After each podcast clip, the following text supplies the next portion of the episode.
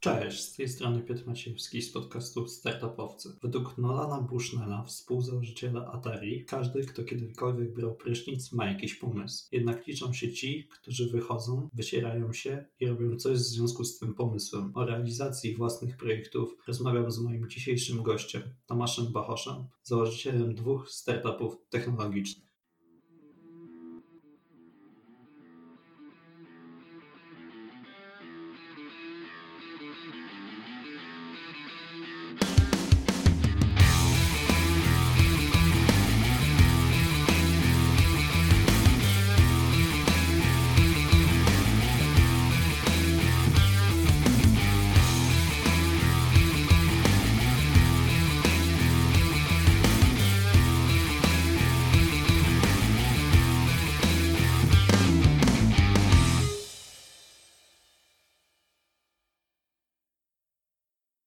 Cześć Tomek, dziękuję bardzo, że znalazłeś czas e, na rozmowę.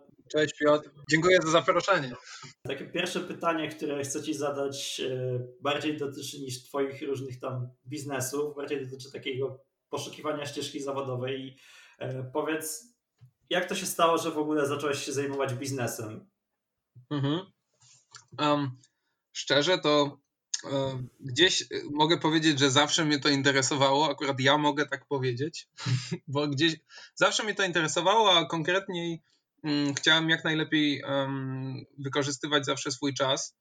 Um, I gdzieś e, na początku myślałem o różnych karierach. Jeszcze jak sobie sięgnę pamięcią, jeszcze przełom gimnazjum, liceum, cały czas myślałem, co robić w życiu. Wiedziałem, że to ma być coś związanego z technologią, i najlepiej z dużą ilością pieniędzy i nie ze względu na chęć, jakby chciwość jako taką, czyli liczenie zer na koncie, tylko po prostu widziałem i gdzieś książki, które czytałem, ludzie, którzy słyszeli, zawsze mi mówili, że fajnie jest, jak ma się pieniądze, bo można wpływać na rzeczywistość wokół siebie. Nawet Steve Jobs, to jest oczywiście bardzo klisze, ale on mówił, że to jest ten fajny moment, kiedy sobie zdajesz sprawę, ja miałem taki moment w liceum, że wszystko dookoła jest stworzone przez ludzi, i może być zmienione w dowolny sposób. I wiedziałem, że jeśli ja wejdę jako trybik do machiny, to nigdy nie ustawię trybików tak, jak ja chcę, tylko będę musiał pracować tak, jak inne trybiki będą mnie przyciskać. Ja bym, a ja chciałem być tym mechanikiem. Um, I jeszcze jedno wydarzenie było, które na pewno mnie do tego przekonało. To był ten moment, kiedy jeszcze sobie myślałem, ok, ale przecież mogę się wykształcić, mogę zdobyć fajne wykształcenie, e, zrobić MBA, zostać na przykład menadżerem. To też jest super płatne i też się ma wpływ na e, wiele rzeczy. E, I wtedy pamiętam, spotkałem e, w ramach tam naszego liceum, były takie spotkania ze znanymi ludźmi. Ja byłem przewodniczącym samorządu, więc e, miałem przyjemność udzielać tego wywiadu. Później były takie rozmowy w kuluarach. Tutaj nie wiem, czy mogę przytaczać tą osobę, dlatego powiedzmy, że to po prostu był prezes jednej, jednej z największych polskich spółek. Ówcześnie i obecnie również. No i on, rozmawiając z nim, zapytałem się, gdyby była jedna rzecz, którą by pan zmienił w swoim życiu, co by to było? A on powiedział, nigdy bym się nie zatrudnił w tej firmie. I po prostu byłem zszokowany. Mówiła to osoba, która zarabiała parę milionów złotych rocznie. E, powiedziałaby, że nigdy nie, by się nie zatrudniła w tej firmie. I oczywiście nie mówiła tego dlatego, że ta firma jest zła, ani nic z tych rzeczy. Tylko dlatego, że jego sam znajomy w latach 90. miał możliwość wykupienia pewnej firmy, wykupił ją i rozwinął. I powiedzmy, że osiągał podobne wyniki finansowe, ale chodziło tu o to, że to jest jego. I w momencie, kiedy to jest jego, jest inne odczucie tego wszystkiego, że jest się panem własnego losu. Jednak nie jest tak, że się odpowiada, czy zawsze się przed kimś odpowiada tak naprawdę, nawet jak się jest właścicielem, e, bo na przykład można być po prostu zobowiązanym wobec swoich pracowników, żeby im zapewnić byt, mm, ale po prostu nie masz tego uczucia. No, ktoś cię może zwolnić, jak jesteś tym tak zwanym CEO, tak? E, jesteś menadżerem, a co innego, jak jesteś właścicielem. I to mnie powiem szczerze, że bardzo poruszyło e, i to był chyba taki największy punkt zwrotny, jeśli chodzi o takie moje przekonanie, ok, od te, jakby od tego momentu już nie było wahania. Było tylko pytanie kiedy, co i jak. Tak, to jest bardzo ciekawe w sumie, co, co, co mówisz, e, bo myślę, że jakby tworzenie firmy to zawsze jest e, wyzwanie i to jest e, ciężkie, ale to jest taka, taka najpiękniejsza rzecz właśnie samo budowanie, nie? że bardzo duża część osób, które zakłada różne startupy, to jest taka chęć e, budowania, tworzenia czegoś nowego, i nawet jeden z poprzednich gości, z, znaczy z poprzednich odcinków, Paweł Sieczkiewicz z Telemediku właśnie o tym opowiadał i on mówił, że gdyby była firma gdzieś, gdzie mógłby tworzyć jakieś swoje projekty, tak, e, która dawałaby mu taką wolność, to on by nigdy nie założył własnej. No ale nie ma takiego miejsca, więc założył własną firmę. E, I to jest rzeczywiście, rzeczywiście takie no, bardzo ciekawe. No to jest takie, wiesz, taka duma, jak coś, jak, jak coś tworzysz z niczego, nie? Ale też firmy, od, bym powiedział, odpowiadają na to i w ten sposób na przykład te największe jednak spółki technologiczne pozwalają coraz bardziej swoim zespołom tworzyć startupy wewnątrz korporacji. Nie? Oczywiście to jest tylko zabawa dla najbogatszych, e, ale, w sensie najbogatszych, dużych spółek po prostu, ale no jest ta swoboda, gdzieś to jest dostrzegane, że ludzie, chcą, ciekawi ludzie, inteligentni ludzie często chcą postawić na swoim. Nie?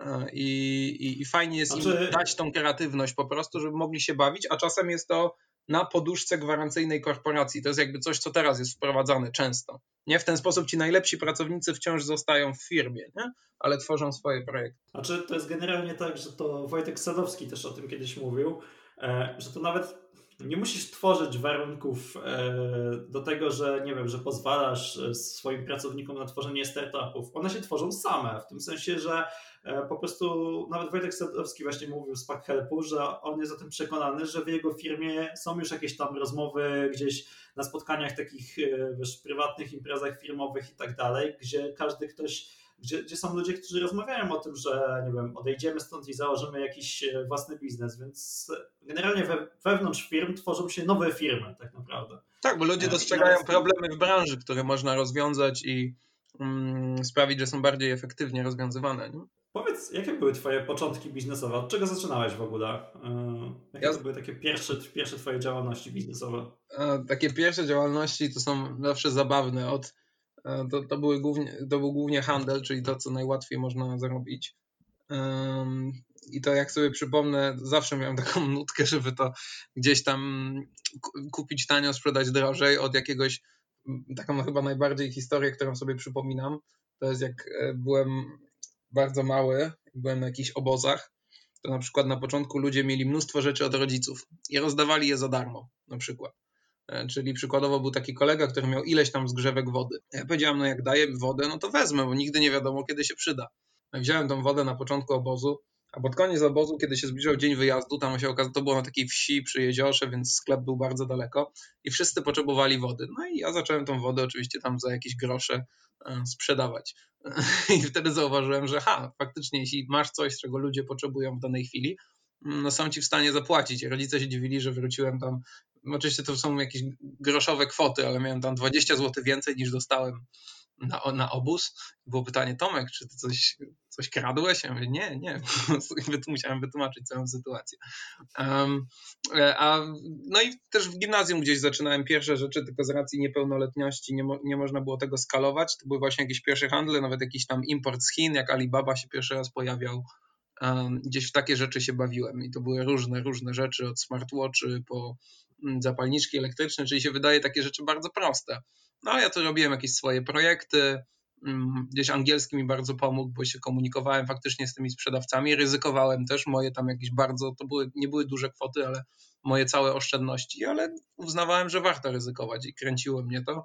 I to były moje początki biznesowe. Wbrew pozorom nie były związane, znaczy z technologią może pośrednio, bo produkt był technologiczny, ale nie z, z budowaniem na przykład swojego software'u. Okay. Później z czasem z tego handlu zacząłeś e, tworzyć startup, tak?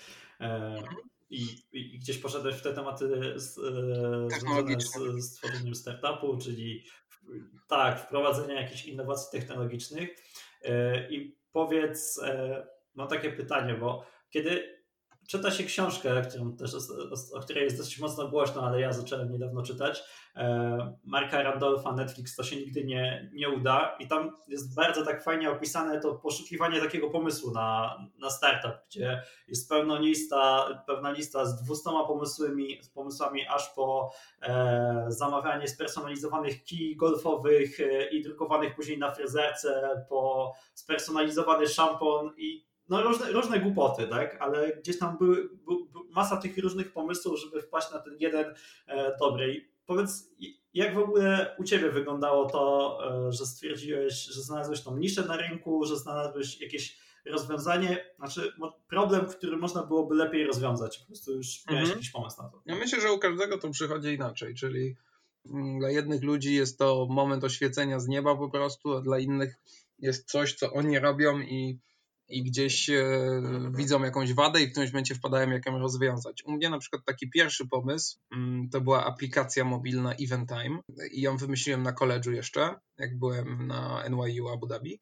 I tam był taki problem, że była to dość taka duża, jednocześnie mała społeczność, czyli nas było tam, jak ja byłem na drugim roku, to było około tysiąca studentów, czyli to była taka duża, mała uczelnia. Wszyscy się znali, ale jednocześnie no, tysiąc osób to już gdzieś tam jakaś liczba jest. I w momencie, kiedy się pojawiały jakieś pytania na takim forum na Facebooku, Room of Requirement, one ginęły w tym natłoku pytań. Czyli jak ktoś się zapytał, czy ktoś zagra w kosza o 17 na boisku, no to ta wiadomość po chwili ginęła, bo następna osoba się pytała, czy ktoś ma pożyczyć jakiś tam kolor farb. No i te wszystkie rzeczy gdzieś ginęły, zatracały się. No ja wpadłem, przecież można byłoby zrobić apkę, e, która gdzieś na podstawie lokacji jest w stanie e, pokazać, co się gdzie dzieje, i my jesteśmy w stanie rozróżnić, co nas interesuje przez filtry, i w ten sposób dopiero dołączać do tych wydarzeń. I, I ona była dość dużym sukcesem, bo dużo osób się tym zainteresowało, tam było paręset ściągnięć i to było używane na kampusie. Mm, wewnątrz społeczności studenckiej. Gdzieś to się nie pociągnęło dalej, tam były problemy z monetyzowaniem. Ja też miałem dużo nauki i gdzieś tam miałem tą walkę tego balansu biznes, e, aplikacja, a jeszcze uznałem, że to nie było to, że warto było cokolwiek rzucać. Ale myślę, że to było takie fajne pierwsze otarcie, gdzie się nauczyłem, że faktycznie jak tworzysz coś, mm, co ludzie chcą, co ludzie potrzebują, taką usługę, no to będą jej używać. No i tutaj yy, faktycznie tak u mnie to wyglądało, czyli szukanie czegoś, co ludzie chcą, co ludzie potrzebują. Najpierw się zapytałem paru osób, aczkolwiek to też uważam, jakby tu nie ma prawidłowej odpowiedzi. Są osoby, które powiedzą tak, musisz się zapytać kogoś, inni nie, musisz iść pod prąd, bo tylko ty wierzysz w swój pomysł. Ja myślę, że prawda jest po środku, czyli musi być ktoś, komu się to spodoba, ale to, że się komuś spodoba, nie znaczy, że to wypali. Później ja uważam, że nie pomysł jest najważniejszy, tylko wykonanie w biznesie, czyli mm, niekoniecznie liczy się to, że ma się najlepszy pomysł na świecie, tylko to, jak się go zrobi. Czyli można Mm, tam kiedyś Sołowow, tak, w ostatnim Forbesie mówił, że cieszę się, że jestem królem sedesów, tak, i to się nie liczy tego, co on robi, bo sedesy nie są niczym innowacyjnym, mm, ale to, jak on to wykonuje i jak tam sprzedaje ta firma, jak są wykonane na końcu one i tak dalej, nie? Więc dlatego to musi być, e, no to jest najważniejsze w tym wszystkim tak naprawdę. Wykonanie, nie, nie sam pomysł. Można robić cokolwiek, ale tak długo jak się to robi lepiej, znajdzie się na to klientów. A w przypadku innowacji, no wiadomo, ta skala może być po prostu szybsza, rozwój może być szybszy, bo wiadomo, że ciężej się wybić na rynku sedesów, tak, niż jak ma się nową technologię, e, którą, e, którą ktoś by chciał zaadoptować. Nie? No i też koszty wejścia są mniejsze, stąd moje zainteresowanie technologią, tak, bo każdy sobie myśli, jakby zrobić coś cool, co pociągnie za sobą masy, Mm, a co można wykonać z garażu, tak? A jednak największe przedsiębiorstwa teraz na świecie powstały w garażu nie bez powodu. Te tak zwane barriers to entry, tak? Były bardzo niskie. I tak jest do teraz z technologią i to jest rzecz, której uważam Polacy mają dużo szansę w ogóle się wybić jako, mm, jako kraj. To nie, to nie jest teraz budowanie wielkich fabryk i przemysłu, bo jakby to zajmuje dużo czasu i wymaga dużego kapitału, tylko właśnie tworzenie firm technologicznych które można budować tak naprawdę w domu na laptopie. Nie? A już z obecną dostępnością chmury i systemów obliczeniowych, które są gdzieś, gdzieś tam ułożone, za które się płaci jakieś grosze, tak naprawdę każdy jest w stanie wybudować bardzo silny system. Jak, jak powstawał Facebook, chyba każdy oglądał Social Network, Mm, to oni musieli wyłożyć ileś naście tysięcy dolarów na serwerownię. Jakby teraz to by zapłacili 50 dolarów na Amazonie. Więc to tak naprawdę tworzenie biznesu staje się coraz łatwiejsze, coraz tańsze i coraz więcej osób będzie stawało się bogatym w najbliższym czasie. Tak, e, no jest, to, jest to możliwe. Ja słyszałem takie, e, takie stwierdzenie w tej książce, e, bo, bo przeczytałem tą książkę, na bazie której powstało The Social Network i tam jest takie wspomnienie autora, tym który napisał, bo on się spotkał de facto z tymi ludźmi e, mhm. i tylko jedyną osobą, która mu odmówiła takiej wywiadu, no to był Mark Zuckerberg, e, który, który nie zgodził się. E, I w tej książce na koniec pisze coś takiego, że jeszcze nigdy w historii świata nie było tak łatwo zostać milionerem, ale nigdy w historii świata nie było tak trudno zostać miliarderem. E, I to właśnie pokazuje, że jakby zarobić w tym sensie, że stworzyć, wiesz, firmę tak na samym początku, która będzie miała tą wycenę na powiedzmy milion, no załóżmy na naszym polskim rynku milion złotych, nie jest aż tak bardzo trudno, jakby się mogło wydawać. E, natomiast coś, co już, e, nie wiem, na przykład wiesz, unicorna e, zdobyć w Stanach, a już w ogóle tutaj z Europy, żeby jakiś startup z tym wyszedł, jest dużo, dużo, dużo trudniej. Bo na przykład, tak jak teraz, jak wspomniałem już o tej książce Marka Randolfa, no to tam jest taka sytuacja, że Netflix, wiesz, tam rozwija się, rozwija się i wiesz, po roku działalności są już wycenianą firmą na milion dolarów. No i pojawia się kto? Amazon. I Jeff Bezos e, wtedy też już, nasza firma Amazon był wtedy już notowany na giełdzie, e, ale wciąż jeszcze wiesz, nie był taką super rentowną firmą e, i, i oni zaproponowali kupno Netflixa, tylko że tam jest tak wspomniane, że zdecydujemy się na sumę z ośmiocyfrową, na małą sumę ośmiocyfrową, nie? No i tam Mark Randolph pisze, że mała suma ośmiocyfrowa w tym slangu biznesowym oznacza, że będzie to parę milionów, a duża suma y, y, ośmiocyfrowa oznacza dziesiątki milionów. Nie? No i nie zgodzili się sprzedać Netflixa, no i historia się potoczyła zupełnie inaczej, ale no, rzeczywiście jest, jest, jest dużo, dużo łatwiej dzisiaj w porównaniu do, do tych lat 90., gdzie powstawały te pierwsze startupy w oparciu o internet. Znaczy, mi się wydaje, że mm, zawsze był dobry czas. Na pewno teraz jest łatwiej się szybciej zeskalować i wzbogacić, nie? ale jakby jeśli chodzi o tam czas na założenie firmy i tak dalej, zawsze jest dobry czas. Y, ja jakby uważam, że na przykład teraz jest ten kryzys związany z, z COVID-19 i to jest wbrew pozorom bardzo dobry czas, żeby zacząć, bo właśnie kiedy wszystko jest w dole, najłatwiej się zaczyna, bo inni się, są skupieni na innych rzeczach, nie myślą o, no, koniecznie o zaczynaniu czegoś nowego i to właśnie wtedy się wkracza. Jakby nie ma nigdy złego czasu na biznes, no poza abstrakcyjnymi sytuacjami, znaczy abstrakcyjnymi w dzisiejszych czasach już powoli, takimi jak wojna na przykład. Nie? No to okej, okay, wtedy się myśli zupełnie o czymś innym, ale tak poza tym nie ma złego czasu na biznes, zawsze jest dobry na to czas, a najlepszy jest czas, kiedy jest, kiedy nie ma się zobowiązań, tak? Czyli Dlatego się mówi, że najwięcej firm powstaje w wieku 20, 20 do 30, a później po 50. Dlaczego? Bo większość osób po prostu wtedy nie ma żadnych zobowiązań i, gdzieś tam albo kończy studia, albo w trakcie studiów po prostu no, no nie ma, może, można spać na tej kanapie, tak?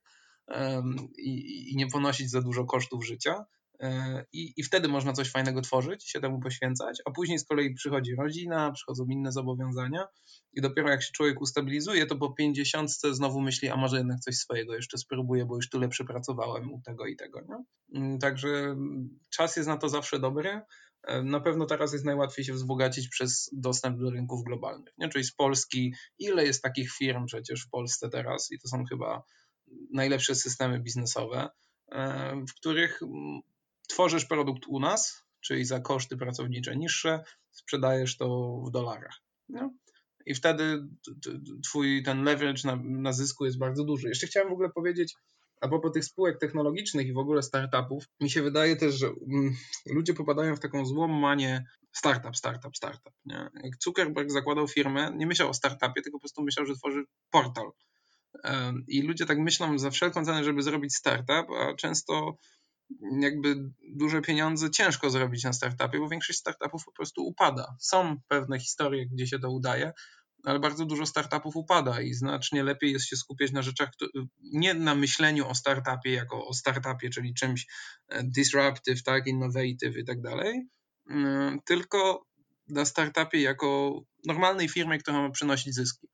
Żeby nie, pop nie popadać w abstrakcję i myśleć, jak się opanuje rynek globalny, jak nie ma się jeszcze podstawowego biznes modelu i zarabianiu na paru klientach. Czyli tak naprawdę jak się podchodzi do tego z trzeźwą głową, oczywiście trzeba mieć te marzenia, tak, że kiedyś to się rozwinie globalnie, ale warto do tego podchodzić krok po kroku. Czyli pierwsi klienci, jakieś pierwsze pieniądze z tego są, inwestowanie tych pieniędzy dalej w rozwój spółki. I tak się tworzy tak naprawdę największe fortuny. Zuckerberg dużo jeździł po uczelniach. My tylko widzimy taki etap, że ok, postawił serwery, strona internetowa został miliarderem. To tak nie działa. On bardzo dużo jeździł i jeździł po uczelniach w Europie, na początku starał się to gdzieś rozpromowywać. To są wszystko etap, etap po etapie. On dostawał duże wyceny, ale każdy, kto w tym siedzi, to wie, że ja też dostawałem duże wyceny, jak mieliśmy firmę w Nowym Jorku. I to, że spółka jest wyceniana na ponad milion dolarów, nie znaczy, że ma się to milion dolarów. Także to zupełnie, zupełnie tak nie działa. Wirtualne pieniądze. To są wszystko wirtualne, wirtualne pieniądze. Jedyne realne przełożenie może ma taka kasa Bezosa, bo jak on by sprzedawał te akcje, to by ktoś kupił akcje Amazona, ale z kolei jakby on zdecydował się je sprzedawać, to momentalnie kurs spadnie, bo wszystko jest związane z jego osobą. Nie? Także to są wirtualne pieniądze w tak. pewnym sensie, a dużo osób nie mówi o tych realnych i zachwycamy się często nastolatkami i tak dalej, którzy mają jakieś spółki warte miliony, a w tym samym czasie jest wiele ludzi, którzy, którzy robią coś, co, coś, co nie jest tak fajne i nie brzmi tak, e, tak wyzywająco i nie, nie nadaje się na tabloidy, no, zarabiają znacznie więcej i oni tworzą prawdziwy biznes. Nie? Także to też jest taka dobra rada, myślę, dla wszystkich, którzy słuchają, żeby się nie bać robić rzeczy, które innym się nie wydają cool. Po prostu trzeba robić to, co się lubi, bo wtedy praca nie jest pracą i to rozwijać. I najlepiej zaczynać jak najwcześniej i krok po kroku się dojdzie do wszystkiego tak naprawdę. Tak, powiedzieliśmy, znaczy w sumie ty powiedziałeś e, o różnych takich wyzwaniach i chciałbym cię zapytać, jakie są takie wyzwania startupu w ogóle na samym początku działalności, znaczy jakiekolwiek firmy, bo nie chodzi tylko o startup, ale jakie ty widzisz takie, znaczy ze swojego doświadczenia, jakie wy na przykład mieliście e, takie pierwsze wyzwania? Mhm. Myślę, że w Stanach to wygląda inaczej niż w Polsce. Um, jeśli chodzi o Stany, tam znacznie łatwiej znaleźć funding niż u nas tam 100 tysięcy dolarów dostać na początek firmy, to jest po prostu, to leży na ulicy. U nas się dostanie może 100 tysięcy złotych, ale też nie tak łatwo. Um, ale tam są też inne koszty, także to jest wszystko takie relatywne. Największe wyzwania na początku to są wyzwania, które rzutują na całą przyszłość firmy, tak? Bo na przykład źle wydane pieniądze na początku da się przeboleć, a, a źle dobranej drużyny już nie. Czyli myślę, że takim największym wyzwaniem jest naprawdę znaleźć ludźmi, z którymi chce się współpracować i z którymi się dobrze współpracuje. To jest, myślę, zasada numer jeden. Zasada numer dwa, zabezpieczyć to odpowiednio wszystko prawnie. To ma znaczenie. To nie jest tak, że o, to teraz my się zaczniemy zajmować, budować produkt i tak dalej, a o tych prawnych rzeczach się pomyśli później. Nie, to naprawdę wróci i to szybko. Wystarczy, że jednej osobie odbije, drużynie i może się cała firma zawalić tylko przez jedną głupią osobę. Nie chce się tego dawać dla swoich pomysłów, a nigdy nie wiadomo, który pomysł jest tym dobry. Dlatego warto to robić skrupulatnie do każdego. Mm, a później trzecia rzecz to jest wyjście do ludzi. Czyli jak się robi jakikolwiek produkt, firmę, to najczęściej jest błąd spółek technologicznych, e, że tworzy się produkt dla nie wiadomo kogo nie? Czyli budujemy coś, e, budujemy to w nieskończoność, e, a na końcu e, wypuszczamy i to jest jedna wielka klapa. Powinno się nie wstydzić tego, co się robi, bo naprawdę nikt nie będzie pamiętać swoich porażek. Jeśli teraz wypuścimy beznadziejny produkt, nikt nie będzie pamiętał, że on był beznadziejny za rok. Znowu się czepiamy tego Facebooka w tej rozmowie. Nikt nie pamięta, jak wyglądał Facebook. Na początku wyglądał badziewnie. Na dzisiejsze standardy też w ogóle. A te, nikogo nie będzie obchodziło, jeśli to będzie spełniać swoje zadanie. Więc na początku ważne jest, żeby ten produkt jak najszybciej wypuścić faktycznie na rynek mm, i dopiero potem go ulepszać, żeby po prostu zobaczyć, czy to, co się robi, w ogóle ma sens. A dużo osób spędza rok albo dwa na robieniu czegoś, no i później okazuje się to klapą. To jest tylko i wyłącznie ma zastosowanie swoje E, w spółkach high-tech, czyli jak się tworzy na przykład jakiś nowy, niesamowity algorytm, który ma zmienić wszystko. Jest mało takich spółek, ale istnieją. Nie? Albo są spółki takie właśnie jakieś ulepszenia do systemów kosmicznych. To w Polsce w zasadzie nie istnieje. E, ale jest taki rynek, no i to są faktycznie spółki, gdzie się coś robi rok, dwa i się modli, żeby wypaliło. Ale w przypadku wszystkich innych usług i tak dalej, to, to naprawdę trzeba jak najszybciej to wypuszczać do klienta, chociażby w prymitywnych, strawnych formach. I to są trzy takie rzeczy, które bym wypunktował. Powiedzieliśmy o tych wirtualnych, co prawda, pieniądzach, ale o tych e, miliardach e, dolarów, e, albo w sumie tak, to są miliardy dolarów. E, I chciałbym Cię zapytać, e, czy masz takie jakieś typy unicornów z Polski? No w sensie obserwując scenę Polski, czy Ty widzisz jakieś takie firmy, które mogą do, do, dobić do tej wyceny i mogą naprawdę z Polski osiągnąć taki sukces globalny? E, będę tu bardzo sztampowy, bo powiem szczerze, że też nie śledzę każdego startupu w Polsce. Zwyczajnie nie mam na to czasu, ale gdzieś tam znam te hasła, mm, które się pojawiają często e, w polskim internecie i uważam, że jak najbardziej firmy w stylu Booksy i Synrise mają szansę na taki tytuł. Szczególnie, że to są firmy, które operują na rynku amerykańskim. Synrise współpracuje z Microsoftem, to jakby wszystko ma olbrzymi wpływ na potencjał taki, takich spółek. Dlatego uważam, no i jeszcze unicornem może zostać ze spokojem, nie wiem, czy CD Projekt już nie przekroczył, przecież on przekroczył już kapitalizację chyba miliarda no tylko no tutaj ciężko, bo tutaj niektórzy powiedzą, że to nie jest startup i tak dalej, nie? Więc no, jakby. Tak, tak. No to jest ta kwalifikacja się pojawia, ale no jak najbardziej, jeśli już wracamy do takich bardziej startupowych, no to uważam, że tak, Booksy ma, ma, ma, ma taką szansę. Jest to ciekawy pomysł, ale też ma dużą konkurencję, więc nie wiem, jak oni sobie z COVID-em teraz poradzili, bo wiem, że to było dość duże widmo. Oni świeżo dostali nowe finansowanie i nagle takie coś im spadło na głowę. Także tam były dość duże zwolnienia, więc e, zobaczymy, jak, jak, jak to pójdzie, ale jakby no kibicuję jakakolwiek firma by w Polsce wreszcie miał, była takim porządnym unicornem, to jest to duży sukces. No, niestety w, dla nas w państwach bałtyckich jest masa takich firm, a w Polsce jest mało i to głównie dlatego, że nasze startupy skupiają się na złych rzeczach, czyli E, w Polsce jest taka mentalność, że albo po prostu jak najszybciej się nachapać, e, zyskać jakieś dofinansowanie, albo nie wiem, zarabiać 20-30 tysięcy miesięcznie mm, i wtedy momentalnie jestem królem życia, już się nie opłaca nic robić. To jest bardzo częste. A, e, i, a, a drugie, no to jest ok, zarabiamy w porządku, więc już się nie opłaca skalować, bo to się wiąże z ryzykiem. Czyli nie rozwijamy się na dalsze kraje. I jak się nie wyjdzie poza rynek polski, no to się nigdy tego unicorna prawdziwego nie zrobi. To nie jest spółka paliwowa Orlen, żeby być miliardową spółką tylko działając na rynku polskim. Tak się po prostu nie da. A na przykład kraje bałtyckie mają tą zaletę, że tam spółki z kolei by nie przetrwały, gdyby działały tylko na rynku lokalnym, czyli swoim krajowym, więc one muszą wyjść. I w Polsce bardzo mało jest takiego mindsetu wyjścia poza Polskę z produktem, jak to się zmieni, myślę, że te unicorny zaczną wyrastać jak grzyby po deszczu, bo talent na pewno jest. Tylko brakuje tego typu myślenia. I jest taka, taki, taka pułapka, średniego, pułapka średniego kraju, e, że z jednej strony jesteśmy na tyle duzi, żeby zapewnić fajną, dużą spółkę, a z drugiej, strony, e, z drugiej strony jesteśmy na tyle mali, że nie zapewnimy tego unicorna, musimy wyjść. Nie? Ale dużo osób po prostu się zamyka w tej strefie komfortu, e, którym jest prowadzenie działalności tylko w Polsce. Nie? Czy każdy, znaczy tak podsumowując jest wszystko, czy każdy może e, założyć biznes niezależnie od wieku? Czy to jest, wiesz, e, chodzi mi o takie, tak jak ty miałeś te początki, nie wiem, handel, jakieś proste rzeczy i czy każdy, każdy może, czy jednak na przykład w przypadku startupów to już trzeba mieć większe przygotowanie? Nigdy nie będzie dobrego momentu, żeby założyć firmę, to jest na 100%. Czyli warto zaczynać jak najszybciej. Zawsze można coś lepiej zawsze można wiedzieć więcej. Jakby ludzie w, no w gimnazjum to może jest wcześniej, nie? Warto się jednak sobie po jeszcze spędzić ten czas na eksperymentowaniu, myśleniu, co się lubi i tak dalej.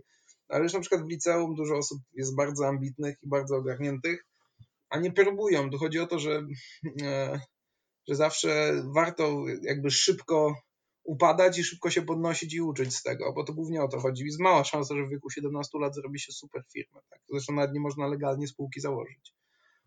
Ale warto już coś tam próbować, tak? Czy też przez rodziców, czy, czy samemu zaraz po 18. Tak? No warto po prostu próbować, bo wtedy się uczy człowiek tego. Uczy się, że spółka to nie jest nic strasznego, jak się ją posiada że jakie są w ogóle obowiązki, tak, jak działa ta księgowość. Warto się tego uczyć, bo później te wszystkie rzeczy nie są tak przerażające. Jak przychodzi co do czego i później wpadnie się no, faktycznie na taki świetny pomysł, no to już nie jest kwestia ok, ale jak to się je, tylko ok, mam już ten pomysł, a teraz będę lecimy z tematem, nie? po prostu zaczynamy działać. Jakby jak cokolwiek chce się robić, warto zaczynać e, zwyczajnie jak najszybciej, tak? Jak są ludzie, którzy chcą być świetnymi sportowcami, no to zaczynają trenować we wczesnym wieku. Tak samo jest tutaj w biznesie. Trzeba im wcześniej się zacznie, tym lepiej. Ja na przykład żałuję, że nawet jeszcze wcześniej nie zacząłem nie? z pewnymi rzeczami. Także uważam, że im szybciej, tym lepiej. No tylko warto nie zaniedbywać siebie, nie? Czyli e, dla mnie na przykład edukacja gdzieś była zawsze wa ważna. I to nie mówię, że koniecznie chodzi tutaj o dyplom, nie? Ale chodzi o, o to, żeby się nie stać takim człowiekiem, który tylko umie gadać o wystawianiu faktur. Nie? Mm, tylko fa fajnie mieć gdzieś tam pojęcie na świecie, zresztą to się na końcu przydaje, ćwiczenie umysłu i tak dalej. Także e, jak najbardziej myślę, że warto, e, warto jak najwcześniej zaczynać. Tomek, bardzo dziękuję Ci za rozmowę. Życzę wielu sukcesów e, z Twoimi kolejnymi projektami biznesowymi. E, super, że, że o tym opowiedziałeś. Dziękuję bardzo. Dziękuję bardzo również za rozmowę. Było mi bardzo miło i pozdrawiam wszystkich.